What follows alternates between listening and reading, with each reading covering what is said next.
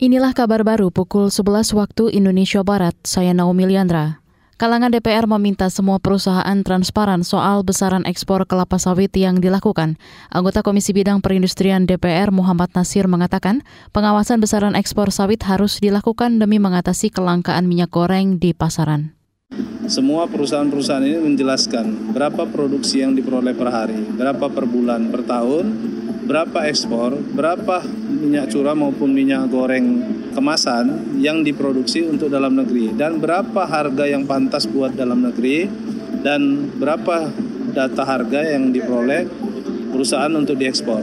Nah ini yang kita, kami inginkan keterbukaan. Sementara itu, anggota Komisi Perindustrian DPR lainnya Mulyanto justru mendorong agar perusahaan sawit mengutamakan kebutuhan dalam negeri ketimbang ekspor. Ia menyebut kebijakan pemenuhan kebutuhan domestik atau DMO harus dijalankan untuk menstabilkan harga dan memenuhi kebutuhan minyak goreng dalam negeri. Sebelumnya, pemerintah menyatakan berencana mencabut kebijakan DMO minyak sawit mentah. Komisi Pemberantasan Korupsi KPK membenarkan presenter televisi Brigita Purnawati Manohara mengembalikan hadiah dari Bupati Mamberamo Tengah Riki Hampagawak. Juri bicara KPK Ali Fikri mengatakan hadiah itu terkait aliran uang dugaan korupsi Riki dalam kasus suap dan gratifikasi berbagai proyek.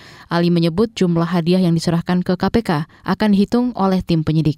Sebagai saksi atas nama Brigita P. Manohara, karyawan swasta, yang bersangkutan hadir di Gedung Merah Putih KPK dan kemudian dikonfirmasi terkait dengan uh, dugaan aliran sejumlah uang yang diterima saksi ini dari tersangka RHP.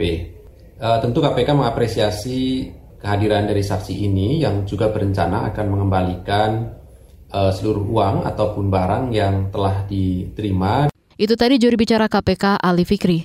Sementara itu Brigita Manohara mengklaim telah mengembalikan uang 450 juta rupiah ke KPK. Terkait kasus ini, KPK telah menetapkan Bupati Mamberamo Tengah Riki Hampagawak sebagai buronan.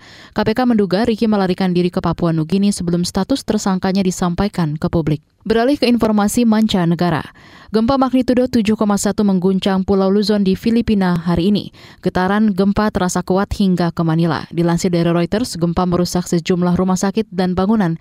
Belum ada laporan soal korban luka maupun meninggal. Survei Geologi Amerika Serikat menyebut pusat gempa berada di Provinsi Pegunungan Abra di Pulau Luzon. Gubernur Provinsi Abra, Joy Bernos mengunggah foto rumah sakit yang rusak. Foto-foto lain menunjukkan tempat tidur rumah sakit termasuk satu dengan pasien didorong ke seberang jalan. Ada juga foto saat evakuasi staf rumah sakit usai gempa terjadi. Abra merupakan provinsi dengan jumlah penduduk 250 ribu orang. Provinsi itu berada daratan di Filipina Utara yang dikelilingi pegunungan terjal. Sementara itu, Direktur Badan Seismologi Filipina Renato Solidum mengimbau warga mewaspadai gempa susulan yang kuat. Demikian kabar baru KBR, saya Naomi Liandra.